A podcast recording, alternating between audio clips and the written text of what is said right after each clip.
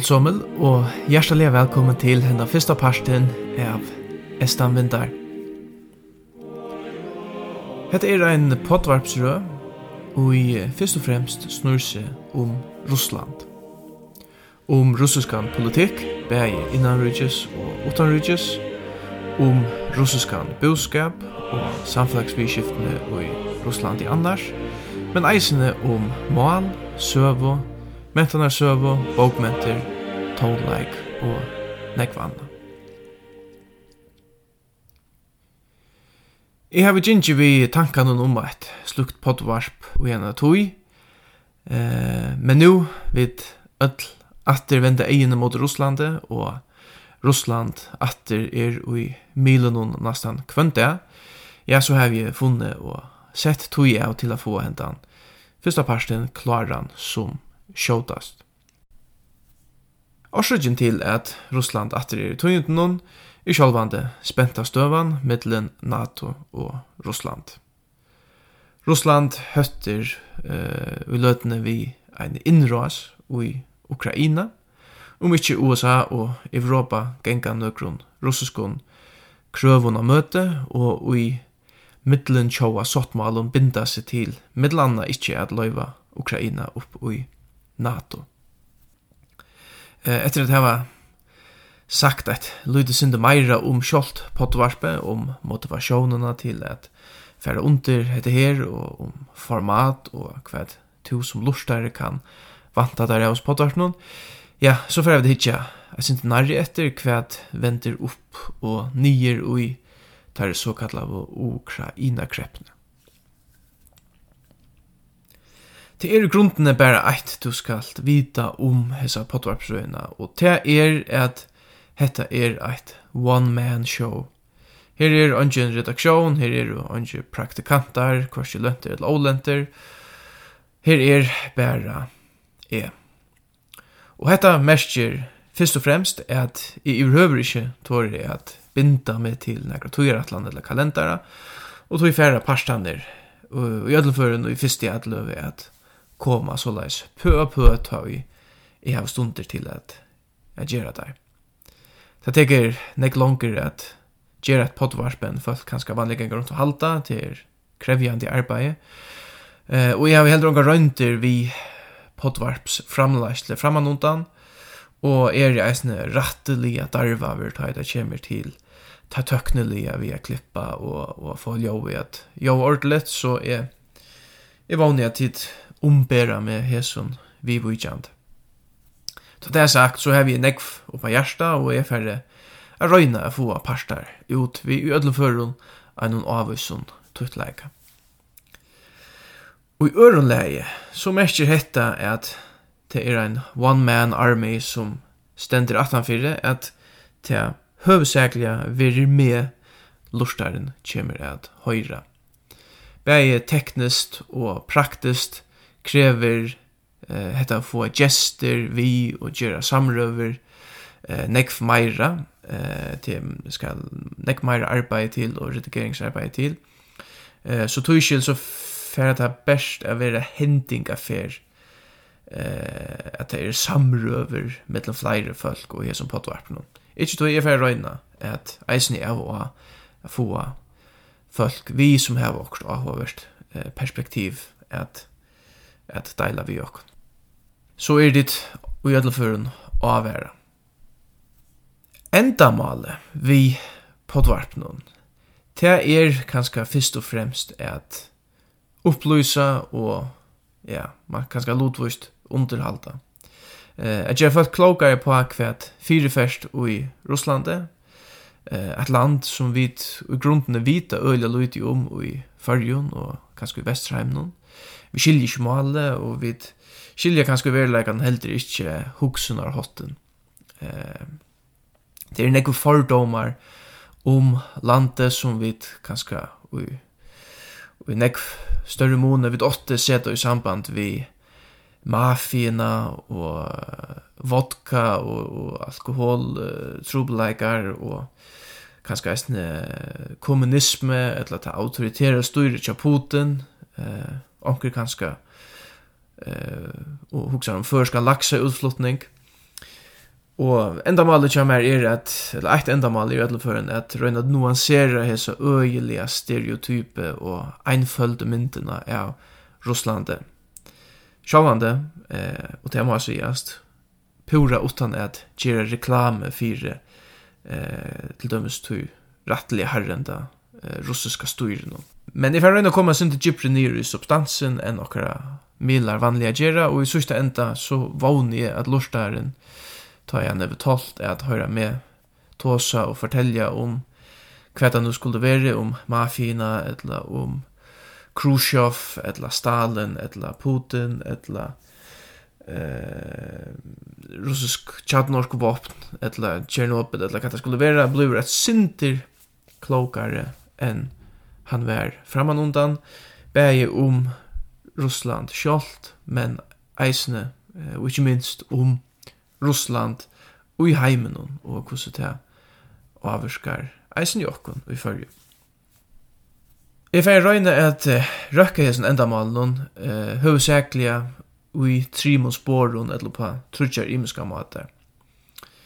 Jeg fyrir at uh, gjerra parstar om aktuell vidskifte, bei ui Russland og om Russland, her i ferøyne at greina støvena og eh, få kanskje ta fram som ikke alltid vil sagt. Um, ta i okkur er som stinges i oppa, til er opplagt at teka ta avleggande strøye middelen Russland og NATO, eh, hva snur ta seg om, hva gjør Russland om seg just nu, og hva eh kan vi egentligen sagt om stövna och i russiska milona kan hålla russar om det där det är ju ett av enda man att komma djupare ner i malene och kanske särliga få det russiska sjönarhotna fram eh för att nå bilar det tycker ofta så är det så är det russiska sjönarhotna fullkomliga orymligt och öliga fjärst från okkar hugsnarhotte men det är avgörande för att skilja ett mål till fullnar att du eisne skiljer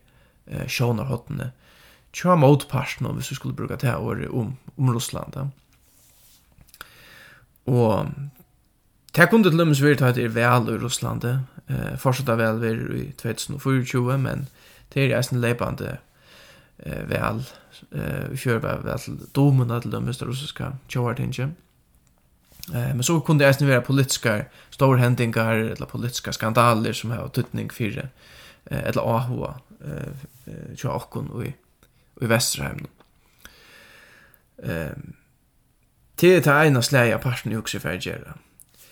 Et annet slag, det er ta i vidt færre sinter mer i djupten av noen tingene. Jeg hukse at det kunne vi kalla bakgrunnstilfær, eller explainer, samkonslega, som hjelpa å kunne skilja kvui tar hendingene som færre fram og i det færre fram. Vi må til, til dømst og allegende strøy nu, mittelen NATO og Russland. Så kunne det være avhåverst at hukt er at kvæt var det som får fram i 2014, ta i Russland jo gjør det en innras i Ukraina, og tog krim halvøytene. Eh, kvæt får fram ta, kvæt er omnæka brøyt fra ta til nu, eh, kvæt er i grunnene eh, sambandet mittelen Ukraina og Russland, hvor er det så spent og eh, hvor tidsis det så tropult at, at løysa. Men det kunne eisen være ånder mål, det kunne være til dem søvan om hvordan ein pura avkjentir KGB-agenter ble forsette i Russland. Det kunne være en fragreng om eh, Alexei Navalny, eh, anstod politikeren kvært eh kvad fekk ta russiska styre at fara så lengt at ta eh valde røyna at att Aidran vi Novichok? Eh fyrir sina smittan i fängslet ta han ta han hej ta han var så næsa jag at evil liv så ett attentat forsøk. Eh tacka mig allt möjligt här vi färs inte djupt där och kanske jag zooma in några ting och i och i ryskskon eh samflagsliv och politik som kanske inte eh så vi kanske inte höra snägg om så vet jag tutning att till dömes hur så väverlagsbrödingar när avska Ryssland och vad Ryssland ger och att hur väverlags politiska urge nu. Så här får det synd Gyprenir substansen redan kommer att om några att han fyrbrikten och några att han raken någon som här var elft till ter stövnar som vi så gör det. Och i tredje läge så är det synd Myra eh blanda bomb i hur ska jag göra till parter som kunde snygga sig om i grunden kvätt det skulle vara alltså det kunde vara allt från särligen uh, sendingen om avvis uh, sövlig eh uh, avvis sövliga händingar uh, som har haft avgörande tutning för Russland men eisne Russland i heimen eh till dömes eh ta Russland blev kristna och i 1908 forskos var det fram, og hvor ble Russland kristna. Eh, det kunne være en nødgjere søvelige ting som eh, doping, male, som, eh, som er rettelig avhåverst, da Russland ble stonkt, eller fikk ban på for å lotteka eh, under egna flatje ut av den olympiske leikene. Det kunne være eh, portrettmynter av av sånn russiskon personligheten, eh, til dømes eh, Stalin, etla Dostoyevsky, etla eh, Solzhenitsyn, til øyne det var avhåver der personligheter ut her russisk søvne, og det kunne vært kanskje avhåverst å fortelle synder om, om det her, men kunne jeg sånn nudgjere personer til dømes en som Abramovic, eh, oligarkeren som et landa i forbetslig Chelsea, Et lokkurst uh, helt anna, det kunne være til dømes russiskan tonelike om Rachmaninov, Tchaikovsky, Mussorgsky. Her er en hel kongarikje av, av fantastiske russisk komponister. Det kunne jeg snivere til dømes. Eh, så jeg vet som det var jo til dømes det første land i heimen at innføre fri abort. Hvordan gjør støvann vi? vi hvordan gjør forholdet mellom kinene? Hvordan gjør er jaunstu er jaunstøv i Russland jo det pussy riot og så videre. Så det er en ting å komme inn som ikke nødvendigvis er aktuell, men som kunne være avhåvert at, at ta seg syndrom. Ja. So far so good. Til lyckas med så tru sporene som som heter podcast for kvar etter. Men hva er det jo ju enda mal, ja, kvad motivationen hooks ganska skilt lortan og lukka at se syndrom drive med inn at jag mer för og jeg synes hver i själva er, ja.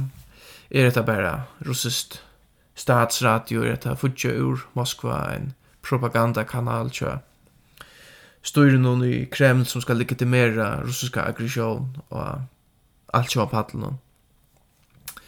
Eh Sverige är att Ahoen han är eh Ludvigst personlig och facklig. Eh jag har en personlig och facklig Aho i russisk och Ryssland. i läser vid lötene vid Københavns Universitet russist og fagist tog dagliga vid Russland og russist. Eh, men Ludvigst eisne er det kanskje en naiv, liberal, progressiv sannføring som, som driver meg fram om oppløsning. Om framt russist så leser jeg eisende filosofi, og jeg har lenge vært samfører om at uh, oppløsning er pura avgjørende ui enn folkareie. Eh, kanskje ikke minst ui okkara så kallar post-truth, postfaktuelle tøyun. Eh, og tøyskjøl så har vi vært samfører om at det ligger en avgjørende moralsk skilta i grundene og okkon som få okra universitetsutbyggving, eh, kostolesi og anna golde, rinda av skattgjaldaren, er vi eisne mila og bruka okkara vitan i samfellagskjærsjen. Og det er områdande at vi som vitan nek om Russland og arbeid vitt og um, kunne møvlig røyna at noen og, og, og ødlenføren syrja fyrir at, at samfellagskjærsjen om Russland er sin vitanar basera. Og gammal nøy så høyri sjálver eh æsna väl kus kus patetiskt det ganska kan lova ta man sig dråra det så läs men för förrun eh mun samföring och om onkel vill bara ett lut vet klokare ja att höra onkel är att han någon som vet mer gera ja men så halt jag att jag för själver kan se att detta poddvarp är etnast. Och det är så det inlägande i åren nu har vi tagit allt för länge till kanske en en en akademisk sjuka vid allt skulle inlägga och förklara och så så otroligt jeg för meg enn vi borde men hade varit det inlägande i årene, och i hade vi skulle bara för att kasta och kunna ut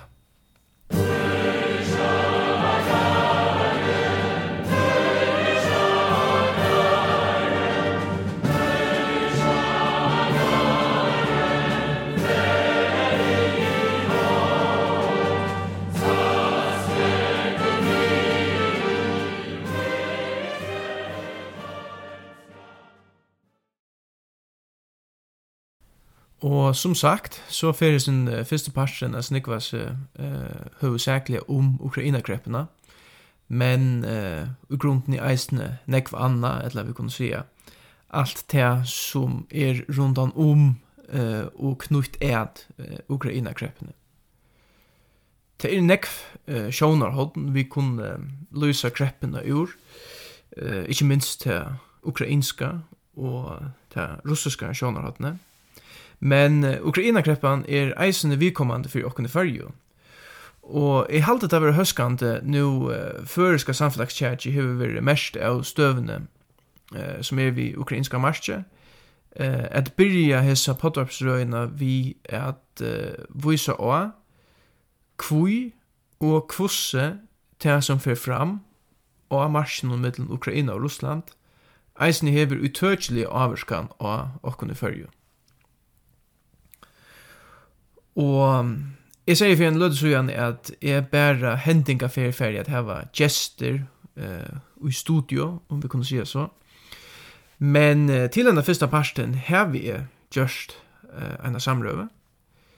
Jeg pratet i fyrr i vikene vi Bjartna Karlsson Pedersen, løktingsmann, uh, fyrir framsøkn, og i uh, omframt tingarbeid eisne lese stjødmannafrøy og froskabarsetsen. Og jeg er ikke nekker uh, fjellmidler med over, eller journalister, så uh, henda samrøven er et, uh, i grunden er pura vanligt prat. Uh, Anki er, er klippt borster, og uh, og i vimerskingen til parsten uh, har vi rønt at lagt uh, lantjer til det tilfær som vi uh, innumittelen viser til og Jesus samrøven. Og vånen er at uh, samrøva, uh, om ikke anna, gjør det pura greit uh, kvui vitan om russisk vidskifte er avgjerande, eisen om du borst i en lutlun og ikke samfunnet mitt og i Atlantsevna. Og i næsta parte fer jeg sjolver at uh, greia sindi nærri fra bakgrunden til kreppina.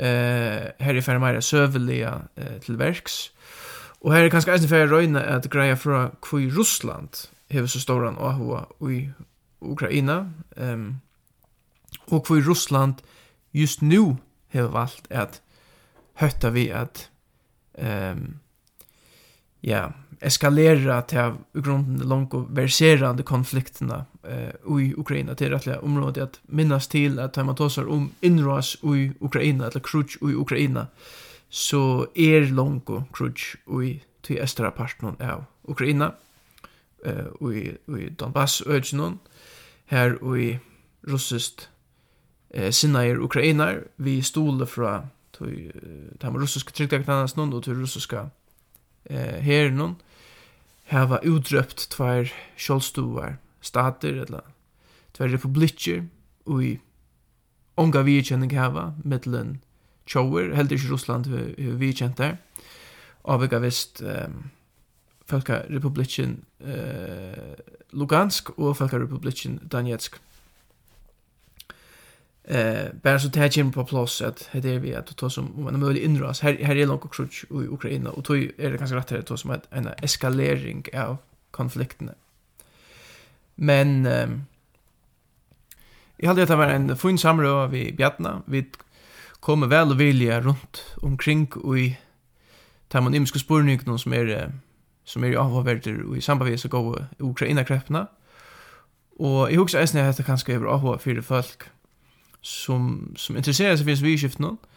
Uh, eisen tror jeg at vi uh, kanskje i det har vant og kan synder av vi at høyra langre samrøver om spurningar som vi talar er spennande. Vi er van vi at ta etter skal tjekkast om okkur så er Eh så är det checks med 15-20 minuter lagt kvar här i, i Malmö som checkar en nötter till att uh, nästan eh, skriva ner på förhand kan alla säga och lucka som övande så att jag sitter akkurat skap någon tid och hur bara två tjugo minuter att jag ser att hon också nu och det var det som är eh meningen från början av hesa samrövning att vi skulle kunna ha goda tog att komma runt om och och lucka som filcha eh samrövne utan rattning som hon själv får.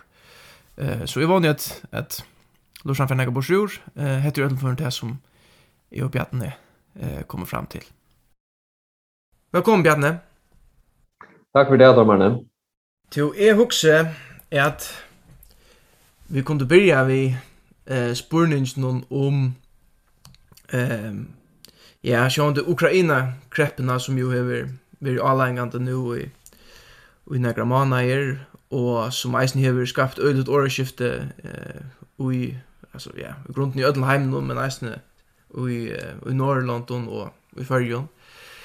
Um, Hvordan sørst to Ukraina-kreppene, og hva er tankar du gjørst her om henne som, som løkningsmøver i Fyrjon? Ja. Ja, först har jag hört säga att um, Ukraina kreppan hon är ju hon är ju nutch på nærmere måte. Du kan kommentere for at hun går gratter til festen og fyrstan och kan egentligen för For 100 år att hvis du ska till. Uh, men det blev ju aktuelt at ta så att om Ukraina kreppan tog jo at uh, Putin har sett uh, några hundratusen hermen til det ukrainska marsche som hever en efterlanda krepp i mitten uh, Russland och Ukraina och, och, og NATO för tansakskyld. Det blev en utdrag i mitten NATO och Russland om uh, stövna som Ukra Ukraina hever och skall häva. Det er resten mest mest till politiska åraskift i förrum i en avsamon. Eh kanske inte vi ser själva isolera seg att diskussionen om Ukraina Eh, men støvan vi var ju förrjun og okkara diplomatiska samband vid Russland eh okkara handelsliga samband vid Russland och så ösnen eh det ideologiska stavnhalde som vi döjla vi eh Västerheim som ju på amata fördömer det som gånger fyrt eh estan fyra eh Donbass regionen i Ukraina. Så man kan säga politiskt till det eh vi vi kommande i fem chatten som vi då har haft runt om här vi upplevde några fiskar över den russiska marknaden eh och det är att vi väljer politiskt kon höp attlar Danmark vi får lunchen sig är NATO Jag ser att han har kritik politiskt tilltök i värsk och i norra att han ser vi och i förrjum.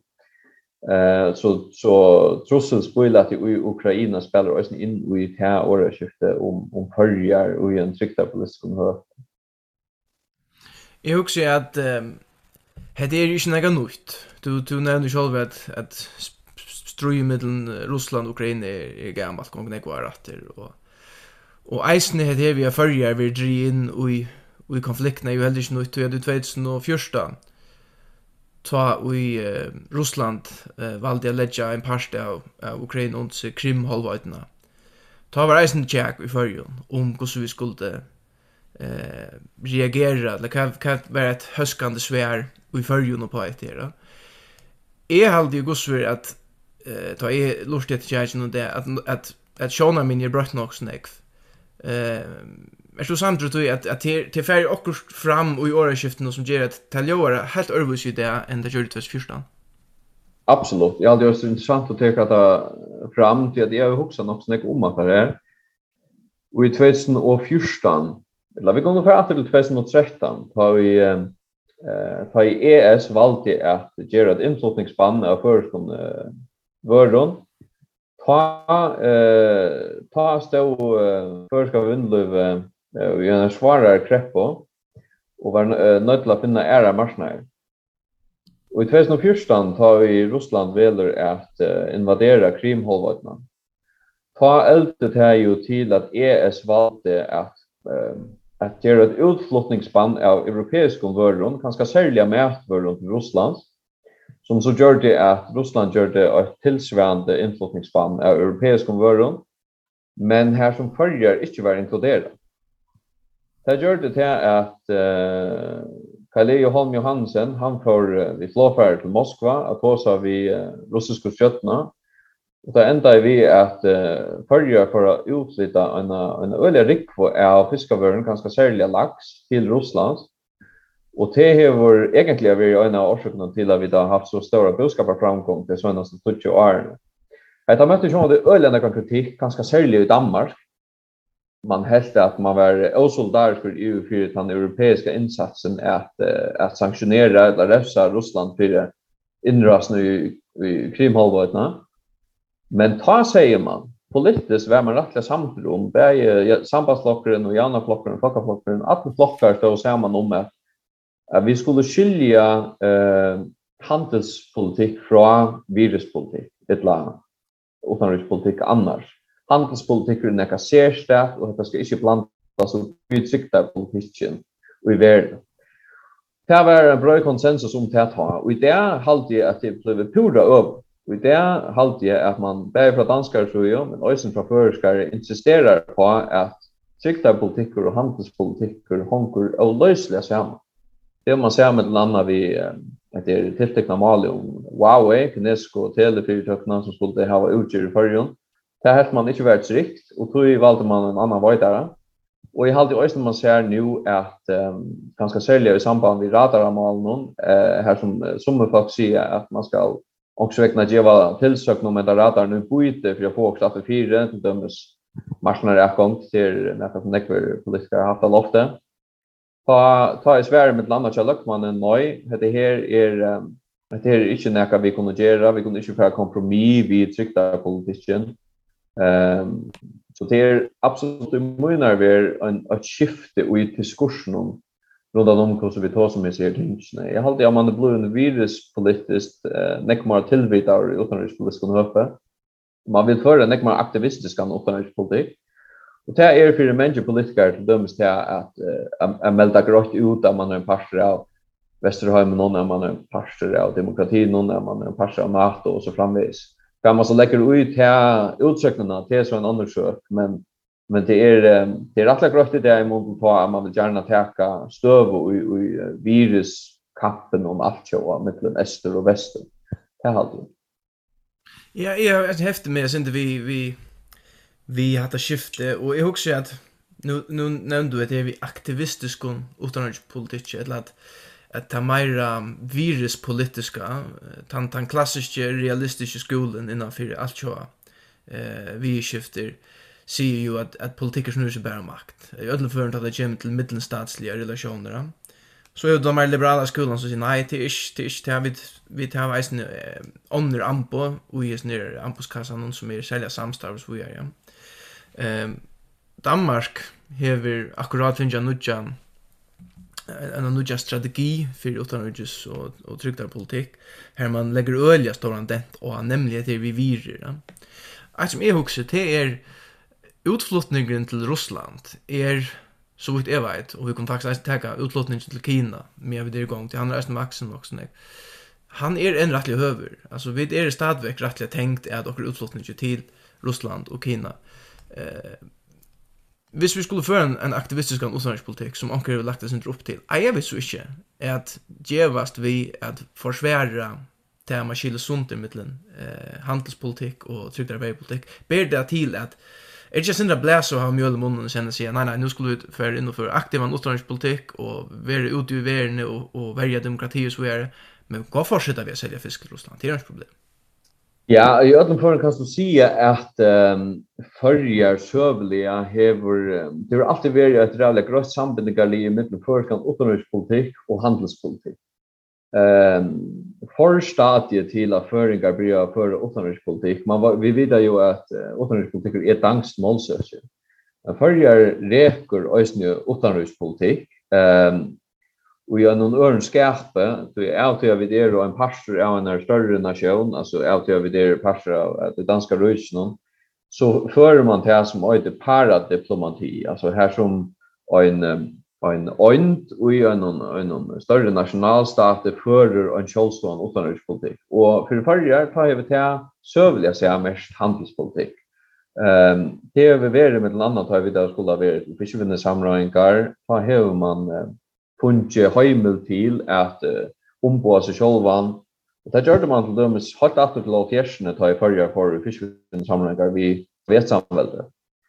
Og det har alltid kanskje hur mynda føreske fætane av utenrikspolitikk at det handlar om at få opp i det handelsavmalar, frihandelsavmalar, betre eh, godkjenning av fiskavøren og, og, og betre om utflutningsfire og morvirkan, at sleppa inn i ES, Det er det har vært chattne malene i førskom utenrikspolitikk og i øyla lenga tog.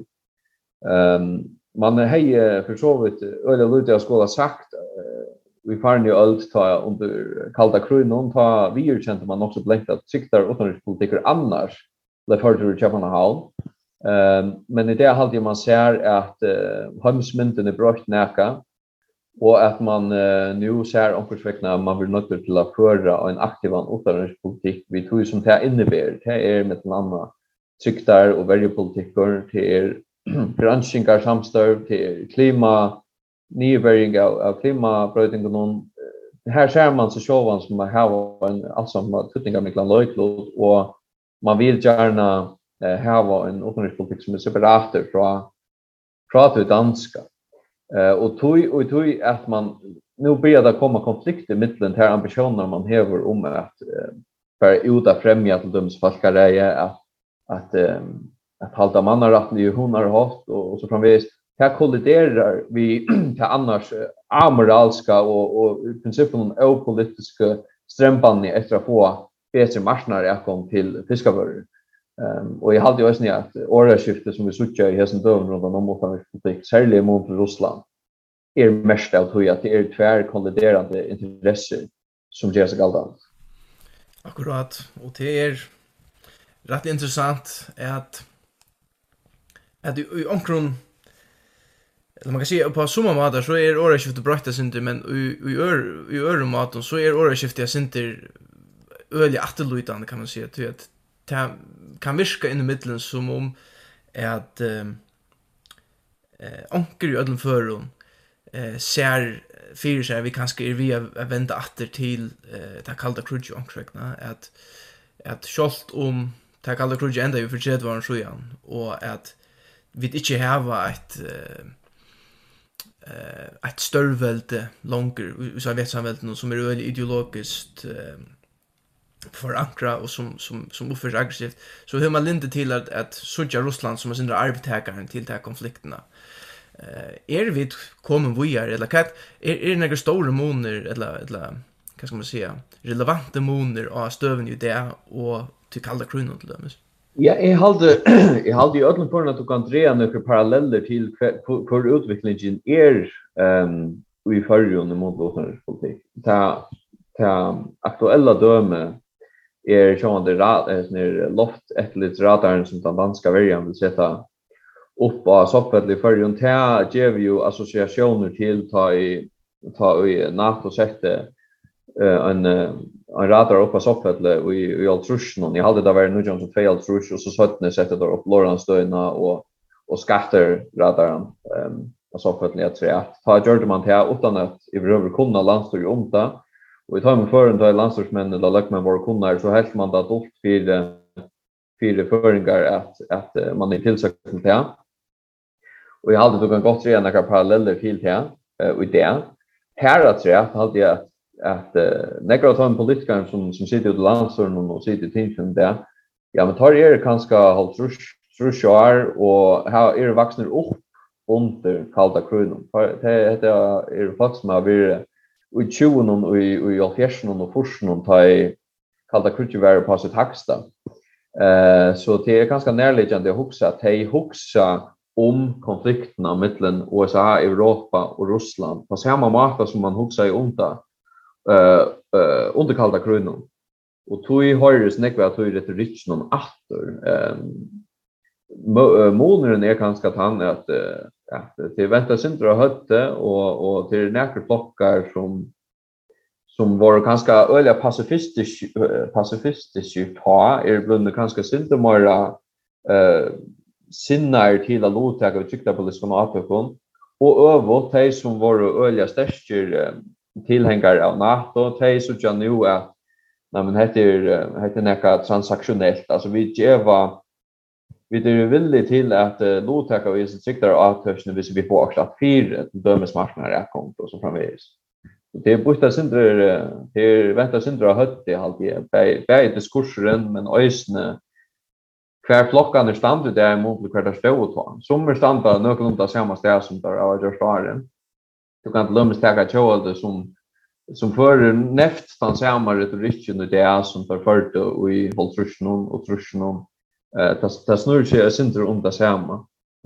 Eh men annars kan du se Janar flocken till dömes för att ha varit något så pacifistisk och vilja vara utanvältar nu meldar ut att man vill vara aktivt en en en motor i NATO varje samstarv någon att man vill låta aktivt ut i sikta politiska ösn och kongresen och så framvis. Det är nog ju tonar och jag kan nästan lägga till rätta falska flocken eh fra å være øyla største tilhengere av NATO og Vesterheimen og vidare kanskje som en olvarsk motor til kommunismen når man sa i Esterblossen og Afrikalda Krunen.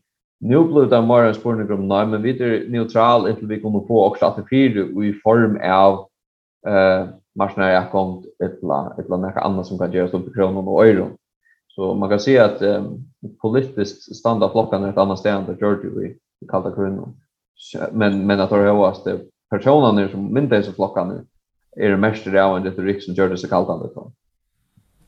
Akkurat, det är nog stort det sånt jag att att man kan se nästan akkurat över det kvart flockaren kör där annars då för det för inte så det är någon så ja.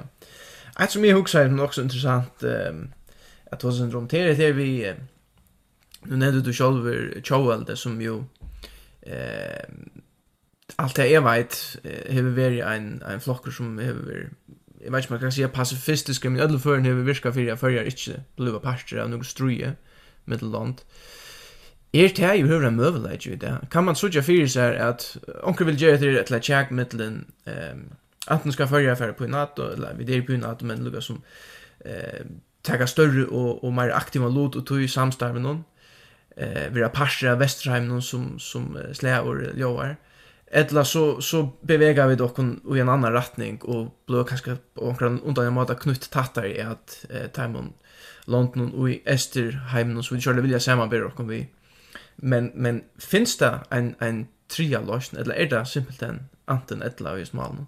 Ja, altså, jeg vet at det er en ikke politiker uh, i förrjun ganska särliga i sambandslösen och, och janarflösen eh, som, som insisterar på att lötan är nu till att, att täcka sujo i ströjnen i mitten öster och väster och att vi har det som om att säga vi skulle vara asujene vid demokratin och asujene vid mannarätten och, och vi vill stäfesta en parster av västerhöjden.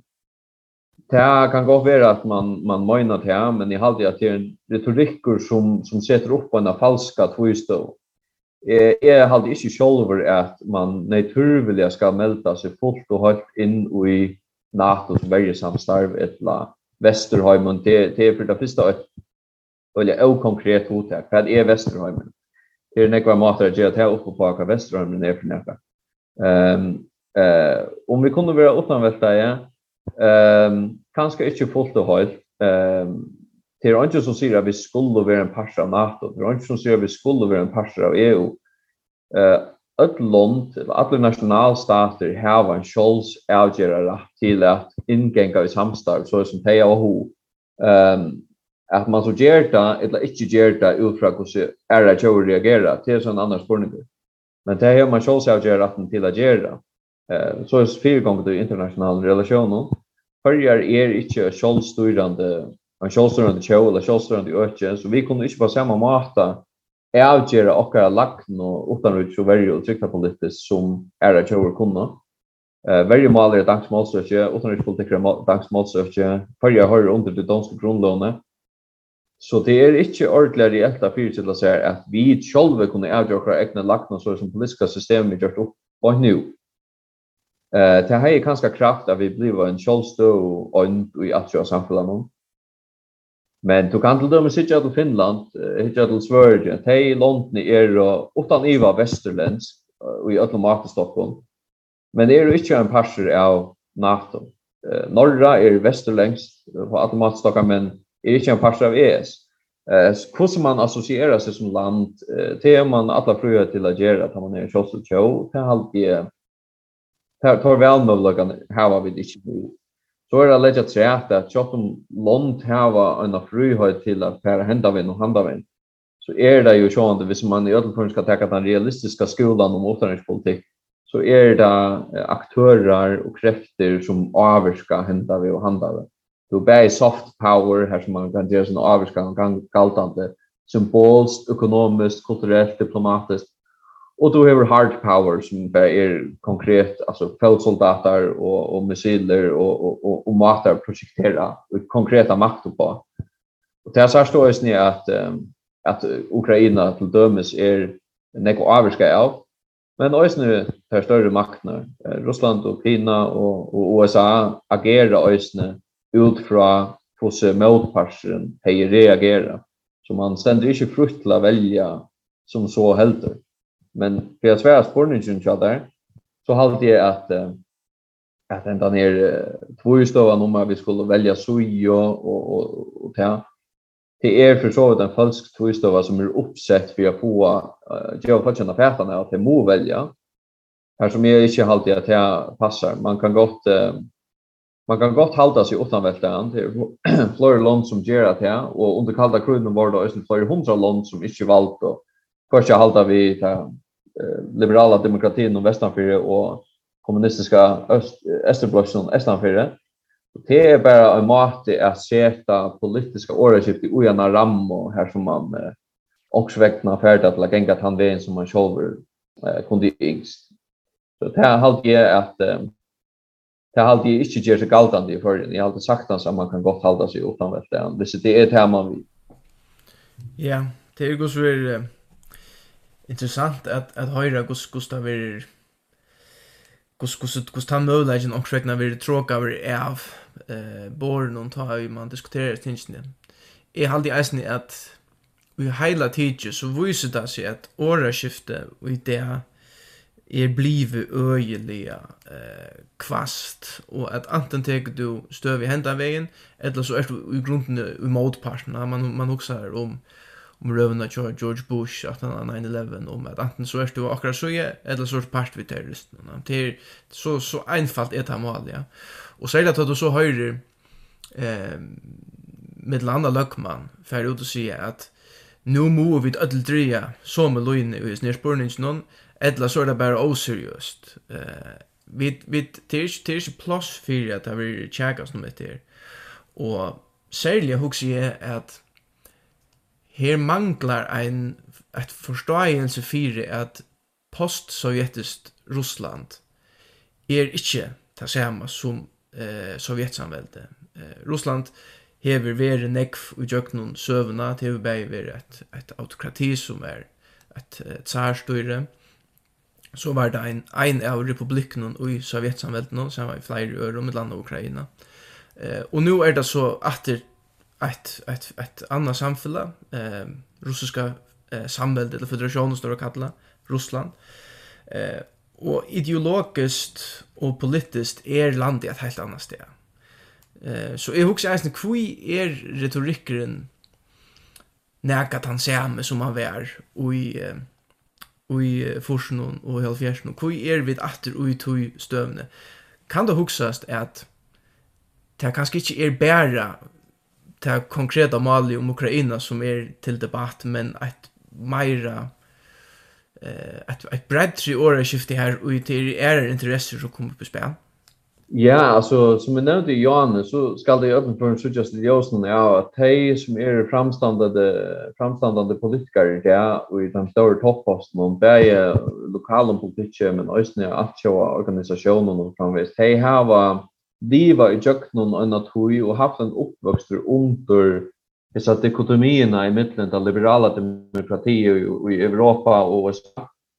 Och så den kommunistiska diktatorer i Österblossen og i i Östertyskland och i satellittstaten och om russiska marsje och så Sovjet samvälde själv. Där råkning vi en sig kaltande ut till tillviskarna. Det är ganska så kollektivt trauma som han generationen hever Ehm men i kraft av att uh, utanrikspolitiker i det i groven trekkon er bliven mera kanske moralistisk än han uh, hever vara. Det, det kan man argumentera för, det kan man också argumentera mot det. I öllum förrän hade jag tar unga väljarna och unga politikerna så att det kanske vi synder över sig brillan. Det har vi inte liva i jöknen. Det kallta krutjet, det har liva vi uh, en, en sovjetsamvälde i upplöst. Och det har liva under hesa teorierna tja Fukuyama om the end of history. Alltså nu fer det västerländska liberala demokratier att vara allt omfattande i världen. Det fer inte vara för autokratier och diktatorer. Det fer att spekla blå utfasa ja. Och och och demokrati och mannarätten fer automatiskt att vinna. Det blev så nok så grått att han har nutjen da, 11. september 2008 är så det inte. Det är stadigt en kamp för mittelen kulturer och ideologier och religioner.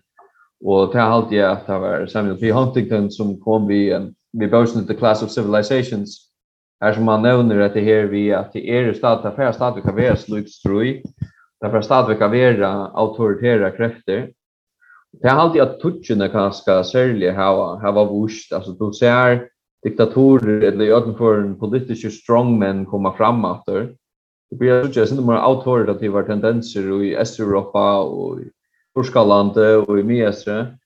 Och nu börjar man sätta spåren till vi, okej, okay, ta ta blev vi själva så som det blev spott vi att västerländska demokratier för att säkra att ända. Nu blev det efter ehm um, från att ha varit en en uniform uh, hemsordan nu har du plötsligt åter två trutcher hövesaktörer som skulle prata makt och avskan runt om sig. Och jag hade att det är ju tydligt oss när man ska söka att här nu konfliktlinjen för och kon är det ganska bäst eh, konkretisera vi att eh att globala upphittningen ger till att Arktis som öke alltså isen brannar du börjar kunna få några farlöjer, sjövejs, där i norra för Ryssland och Kanada ta öppna nutjar vindmöjligheter, ta öppnar nutjar möjligheter för att utvinna gas och olja. Och det är ju som tar nutje fronten för störmakterna. Och kanske sälja i arktiskum höpe är det avhavers att sucha Russland och kanske sälja USA. Ehm till att hej är ett form av de större kuststaten som marskar till det arktiska öket. Hej för till en upprustning det går i gång i norra halvkulen här som man bär ekonomiskt och militärt vill trycka sig här i minsta läge eh såna egna gränser och ta ta ta öst man har rätt till men ösna kunna ha att då honor till att göra som man vill och syrja för man har avskans. Och ut hur är förjar en liten brickor Og det hade jag ösnä at uh, framöver for att vi där suttja, nek større mån uh, att föringar för skulle för halda seg til uh, til han dynamikken som er galdan. Uh, men jeg sier at, at, at, att att hemspoila att loika som det var nødja til nødja for, för ska leva med iva støy. Det er kanskje några ting som har nekker pelax nämner men men det er andre ting som gjør seg galdan det som ikke gjør seg galdan det ta och det har halt i ösnä att det är nutjare att av politikern och sucha eh alltså inte klarare än de som har levt sin liv i gruppen. Gruppen tar kallt grupp.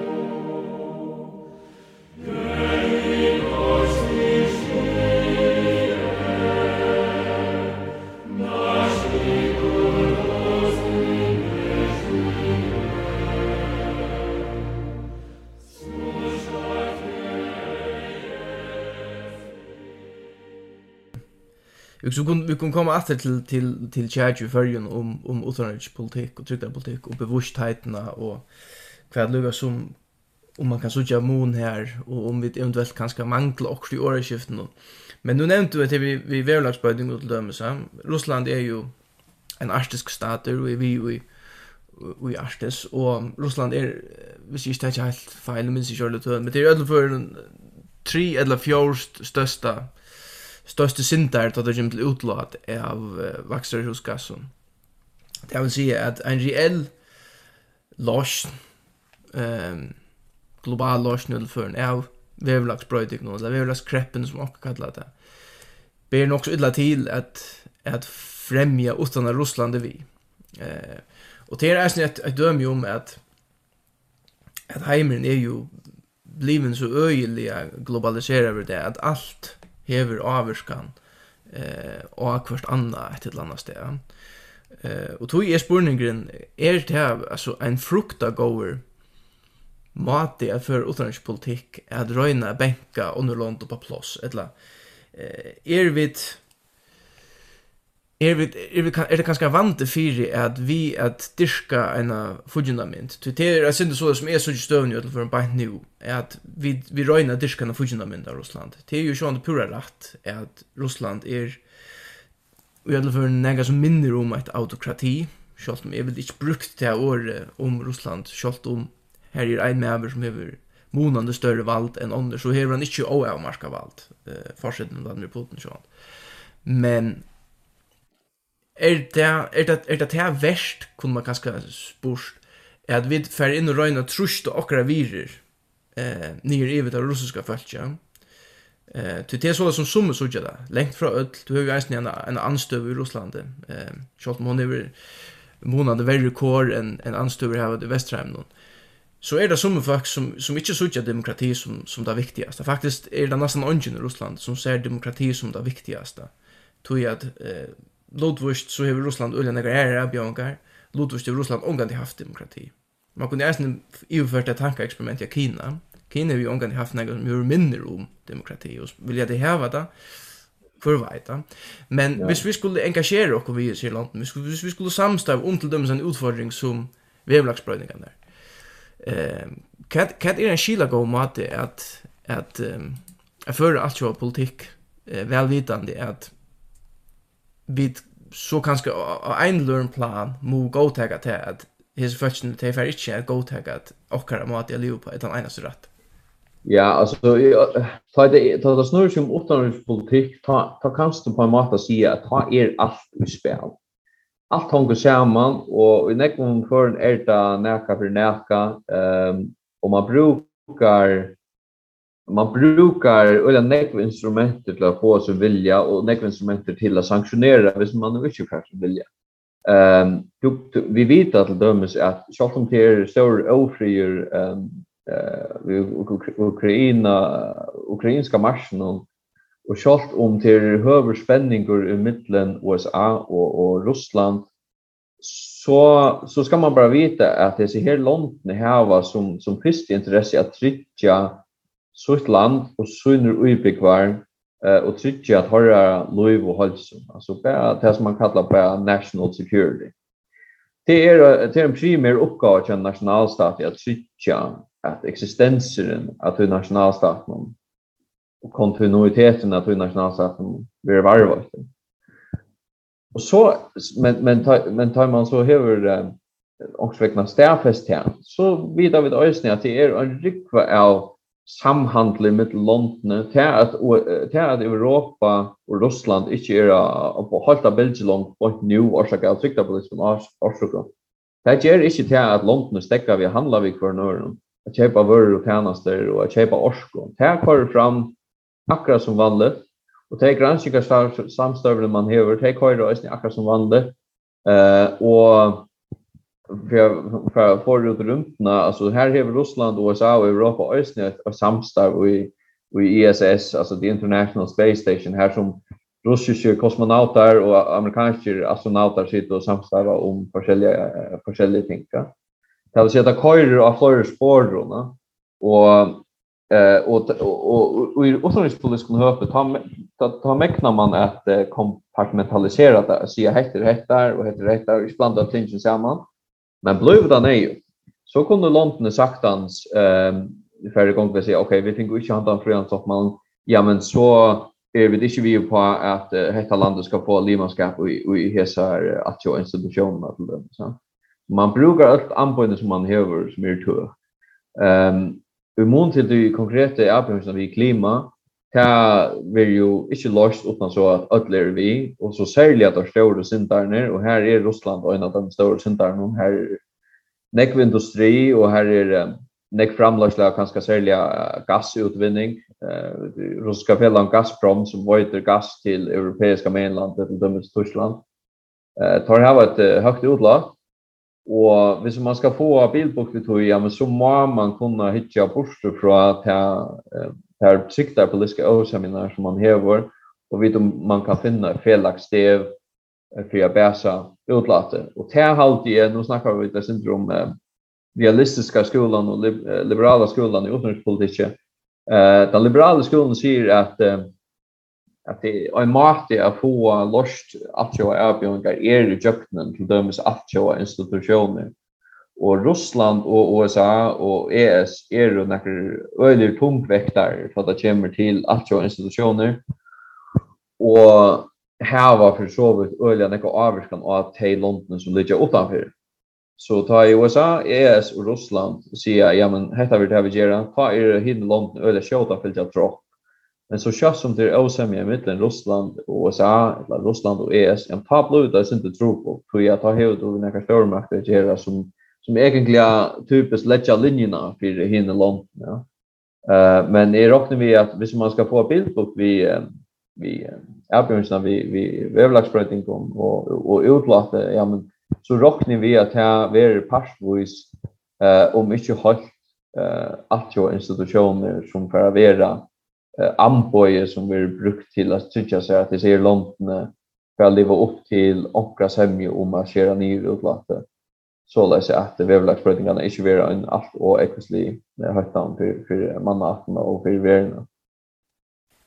Jag husker att i månaden, nu nämnde jag det vi, vi fortjunda mynd, att det var måla ett, ett bojlad av Russland och i i Vesterheim någon möveliga i ödlumfören i Norrlondon är er, är er en också också sterk russofobi vil jeg kalla det. Och det är för så vidt ikke, ikke bare min min egna mening. Det er kan jag det. med landa så ble jag kan inte det utvätsen och och säger Jan av Nordisk journalistcenter som som visste at eh mila dekningen av av Russland och i danska milon är lite av och i, i något så stora mål. Eh och är ganska vitlat upprätthållda syns inte ännu en av fudgina mynda Russland. Eh, og jeg husker at hvis, hvis man som jeg finnes vi i Russland, og kjenner til russiska søv, eisen til nudjar søvna, så vet man godt at Russland hever alltid li ui en spenningsfelt, det kunne man sagt, i middelen eh, til europeiska, og til meira, hva skal man kalla det, gussus vi Ludvig til, til slav og fila, etla, det særlige russiska. Og det, det er særst i ødlun eh, politiskun tjætje, men eisen i, særlig i russiskun bókmentu til dem. Så her er en, en, en avhaldande diskusjon i mittlen Russland som nega særligt. Eh, man hever seg her eh, teorien om Russland som det tria rom, altså arvtagaren etter det einaste arvtagaren etter kristendomen eh, ta i fyrst Romer Rujje blev lagt i øye og så sedan det bysantinska Rujje så er bæra Russland etter og man er det ortodoxe trunna og så videre ja. Samme som det sånt alle de haft folk eh, og eisne i perioden valdsherrar som med landa eh, Pedro den Store som jo eh, bygde Santa Petersburg eh, som man kallar for Vindeig til Vestheimen og, og lät sig stora mån inspirera av hur man förde sig fram och i västra så vi är. I huxa vita vit nog om att läsa tingen alltså vita vit no neck om Russland till att kunna föra en seriösa eh, politiska diskussion om eh, hur vi där förhåller oss till Ryssland. Nei, altså, det det har jeg ikke vi gera. Nå nevner du til dømes nöker ting fra russiske reserv, og, uh, som vi gjorde det aller alla faktiskt och vita sälja när kom. Bäi mot russiska bokmenter, russisk søve, hva er upprunnen til Russland som politisk önd. Det har alltid ikke näkt göra seg færre om. Nek vidar til dømes ikkje at ein av opprunnen til at ha oppbygd ein sterska administrasjon i Russland, det som man tar kallar Kievan Rus, Ehm som börjar i i i som det är i Ukraina. Ja men där fick man vi går hjälp från eh, Skandinavien. Det var skandinaver som får öster efter att vi gav sig en uppbyggja en civilisation östanför. Uh, men det är så som jag att för en vad nu. Eh i halde att medelfolk här du en en olja grunna fätan av Russland. Du har en fätan av Russland som är mynta av Hollywood filmen her som han önti alltid ta sig med några russiska dialekt. Eh här som tar er oppositionen och i i tältspelen vi vi Du hever en sånn mynd av Russland er den evige motparsen, og det er halde jeg heldig ikke av Mila landsleg, hver i Førjun eller Danmark eller Europa som holdt um, vi er känner. Først og møter halte jeg tar ofta gevarna och färdliga onoanserade av støv av Russland Og så er Russland som en utenrikspolitisk aktør som ikke hever godhjärta motiver eh och hickar det självdan in eh i Russland internt och hickar efter vad är det som ger sig galdande vad är det som ger sig galdande chat russarna om Hva huxar han ta Putin vil eh, senda hermen til Ukraina? Hva huxar han ta Putin vil gjøre velferd politisk avtøk? Og hva huxar han ta vi um, ta i Europa reagerer ved en handelsbanne til dømes? Det har du ikke uh, særlig godt forståelse av først i USA eller i Europa. Og jeg har alltid også tog at jeg har alltid også til årsøkken til at det ble så lagt til eh högststandande politiska figurer i i västerheimen hon eller i Europa och i USA att att pusha en stämning upp runt om eh ofri eller osämjo eller spänningar i mitten Ryssland och västerheimen. Det är ganska manglande inled i eh, den komplexiteten som ligger attanför det. Ehm um, här vi ju sagt att russar nog har en sindre övelse mentan än för att Europa och USA har ganska den enda du själv är att fucka dig i sin naturliga ligger högst att axkrona tja tja ryska russiska välja nu. Jag kan ha såna orsaker eh men att onkelvägna kan gå ut från att det är en sån ehm malevolent vera i heimen som bara for för og bæra vil vill teka mera land. Det er alltid är nok så naiv påstående av av Ryssland. Man ska ju minnas til at NATO uh, at han har jattalte fall eh hej inte lika störst tillver grundar som det hej ta i ta i Ryssland vært han naturlige fortjenten. Eh och man rönte ju att med landa via via göra miestor till den nutcha nutcha putchen dan och så blir det här inte att jag snackar mining longer. Och nu tar jag ta efter ha spänning går till dels på grund av Arstes och till dels på grund av Ryssland blir upprusta militärt och ekonomiskt. Nu för natt och pussla så till det grundtala åter nu blir natt och kunna se av som dimma land ik nu måste bruka 2 av av BTU till till kvar till nu ständer fortsättningen på i dörren ehm jeg skal ikke si at, at NATO hever, hever under hensikter og jeg har alltid en NATO hever en en en sentral lokal som varje samgångar for, for demokratisk land västanför men jeg har alltid också det är lätt checkt at att politiker pushar sånn her stemning opp med NATO og Russland. Det är givet hvis du hikker etter då så så er så er det sikkert sånn rikva av av malen som Russland og Västern kommer samstarve om Eh och så må man vara lätta osämjan vara vara osämjan.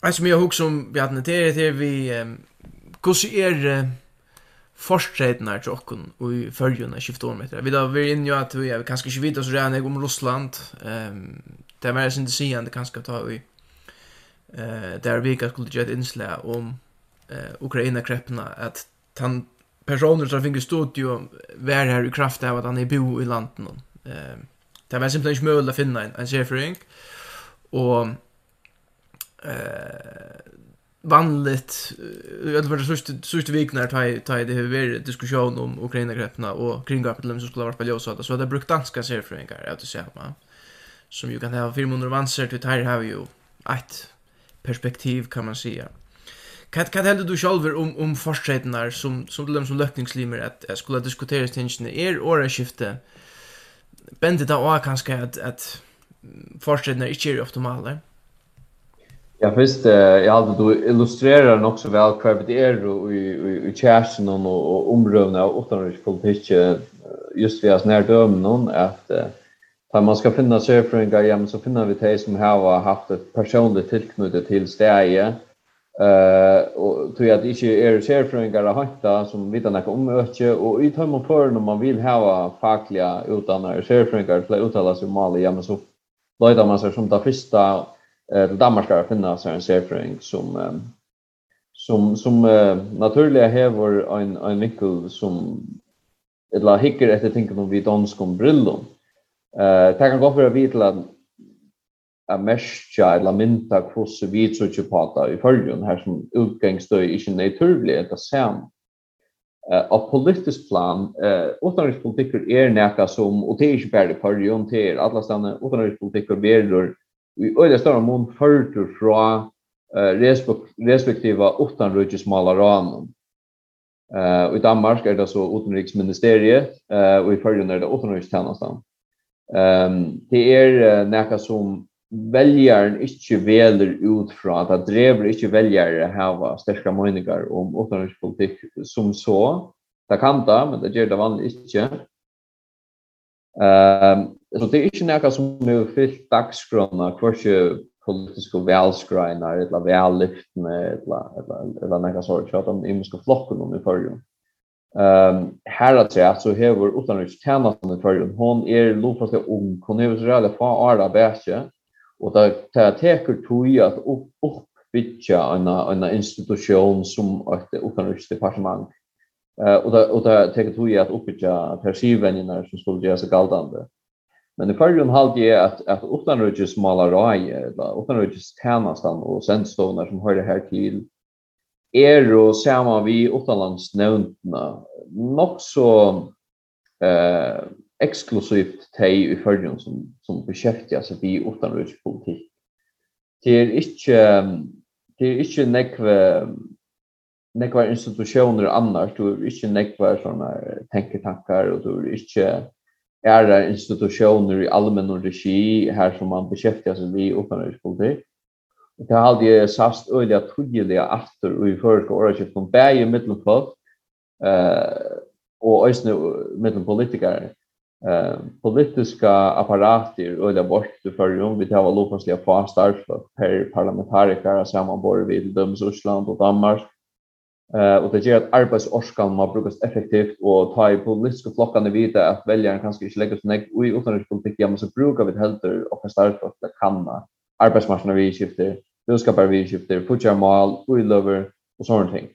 Ehm um, Det sast øysene är att vi ofta diskuterar ut de ska fortsätta någon vid visa till uttalelser till til statsministern och og utenriksministeren Eh och här rapporterna som vi har gjort där är med en annan försvars efterrättningstjänste ehm och så kanske eh han han rapporten som var aktuell för några år sedan så eh, taxö eh som man refererar alltid till danska källor och och här vi tar sig upp från en dansk kontext och dansk kontext där blir som kan vis.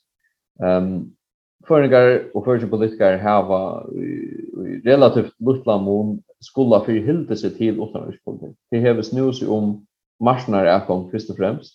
Det är inte snus som snack om diplomati och om om andra ting som som är en naturlig part av utanrikspolitiken. Men eh, jag kan gott fyrstilla mig att jag för att vara näka i framtiden som eh, politiska flockan är bra nöjda till att vi håller sig till och kanske i større mån seta av dagsgrå för att vi har ehm eh som väljaren kan gänga på i utrikespolitiska möte. Ehm och det är sjön för sakna att sjönar min politiska bäge de flockarna men också internt i flocken och spänna öliga boja.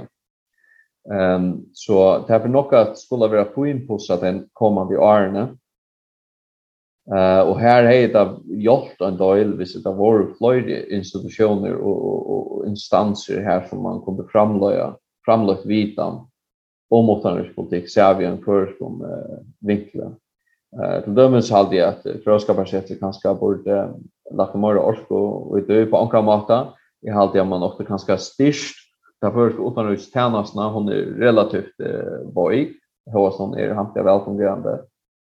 Ehm um, Och så är det också till att i förrjun här man en vi tingen om här man en åtta landsnämnd som utanriksmalaren eller landslagsmälaren utanriksmalen ska raföra sig vi ta han ska ut i världen och viska som utanriksmalare förra veckan. Och han nämnde här eh näkra vansar eller näkra näkra strukturer som kanske inte eh är hänsiktsmässiga och det eh till ösnen kaltande ju mån till ta utanrike politiska visjes för tja för skjötnarna och och landstyret. Man hever en utanrike politiska hemmeldar lo som är som ta var satt ta kom i gilt var satt som en bättre än jag visjes för någon tja för ju mot politik. Men som man så efterföljande i öden för vi känt också brått är att haft om bojnen nu tror jag det är en också uttömmande lista för kvart vi kunde göra som som tjå utanrikspolitiskt. Eh men årsskiftet generellt hade jag grund. Jag hade det det är nog så något misinformation och det är nog så något tänkt att vinklon som inte eh som kanske inte ingänga naturligt i, i förska samfällan och förska omstör kanske särskilt angst. Eh här har jag alltid ösnit att att vi har inte det rätt institutioner till korsa framlöja eller behandla kavitan som är om utenrikspolitikk, och kanske heller inte det politiska apparaten till att handfære och täcka avgjør om førskan utenrikspolitikk. Så, men det er i øtlen för näka som vi var nødt för at halda kom till framme i vår, tog är det kanskje omgående for att för vi hopp vi att at utbytja vitarna fälte er feltet møyra man hever. Ja, jeg har i hvert fall med vi at en av timon eh, kanskje mest skjønnelige aktøren i, i, i, i diskusjonen som er vært sørst mannen i førjen, det er Sjur Skåle. Og det er kanskje hovedsakelig tog at han hever eh, mot førska politikar i løkningen, han er rikva penkon. Og han har jo haft, han har bare finnet, finnet sutt sikkert her i alle skriva en rapport, og har haft denne stora rastene, kom folk og ødle, ødle bei organisationen och imskon London och så vidare. Ja? Och att att det kommer från en politisk flotje och inte från en mera faglig och ehm inte inte nödvändigtvis neutral men ändå för en mera faglig och vitanar på och fällskapet till dömes som som man ser där är ja är det ju du ju en rikve av analytisk och eh, organisationen som som inte inte pasta politiskt färra till så spurningarna men som som vidger där ut från någon annan perspektiv och det är aldrig kanske att det är en sakner oj ehm timon eh, sjona min och oj ut förska diskussion ja.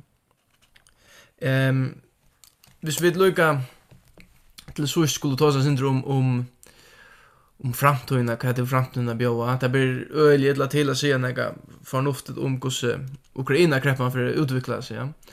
Men eh, i mån til det året skjøttet som vi har haft eisen i fargen om, om trygtar politikk og, og hvis vi tror vi sin druid her som, som vi har tål som her i, det.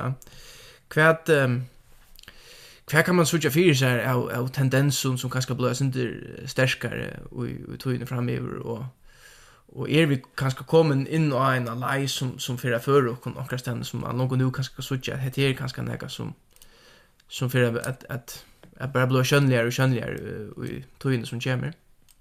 Jeg halte i ödlenbörn som vi byrja av i, så halte jeg at retorikkeren rundan om akkurat plass i verden, og retorikkeren i mån til kanska særliga Russland, er brøkter nekter sånn som 20 årene prata av er jargingen på er stångte så en marsna før skal være eh til nu av vera en en existentiell högtan för det liberala demokrati i Västerhamn. Hvis man skal ta utsagnar tja bara Stilsen løkman i Olvara, så er det jo ødel for nekka som bender av at man politisk, jo ødel for så som politiska sammansetningen er nu, at man vil integrera seg nærre i Vesterheimen. Her merkjer sannsynligvis bæg ideologisk, kulturelt, politisk, diplomatisk og, og handelsbudskaparlige. Um, det kan være at vi færre tann veien til utenfor en avgjør politiske vilje til det.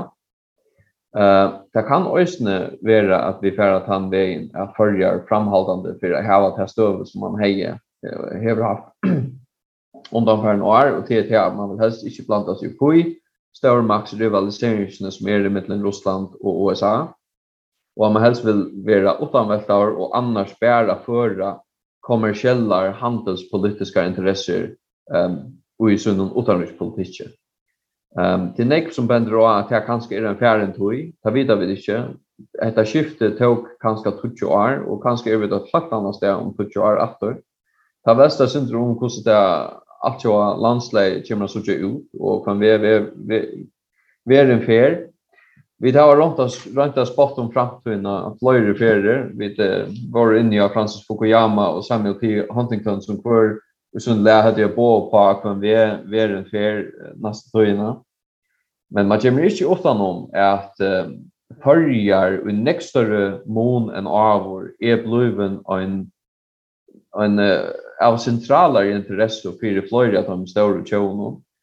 Og vi kommer að spela okkran, om inte vesentligan, så okkran løyklot och i en sån som er nu. Og her er det kanska spårningen om följar eller första politiker man gjør upp i seg själv för det er man vil av utenrikspolitiske politiska For at att det her är at at det sykle mittlen skjerne og slutja eldar så først, det er heller ikke langt hvis man vil gjerne få oksporsjuren utan rusk politikk. Sjálvandi blúv da en sjálvandi er det en trúbul støva að få en brøya semje om utenrikspolitiske linjene i fyrrjum. det tog at flokkane er splitta er ganske særlige særliga orsaka rødgjusattarlige støv og fyrrja i mot rødgjusfellesskapen. Det er nok så grunnleggjant forskjell fyrir hver for slag utanrikspolitik man vil føre. Eh så det kan färre uppleva en ett haft om bojne tar man gör en utrikespolitik som är för akrar och i parlamentariska skiparna tror jag att det alltid blir en osämja om fortsättningar som man för utrikespolitik på. Eh men i öllum förrum så räknar vi att det här att politiska skipan, politiska arbete och politiska substanser som vi Richard Atinche fer i större mån nu en för att vara att ha en utanriks eh politisk karaktär och ett utanriks politiskt utsyne.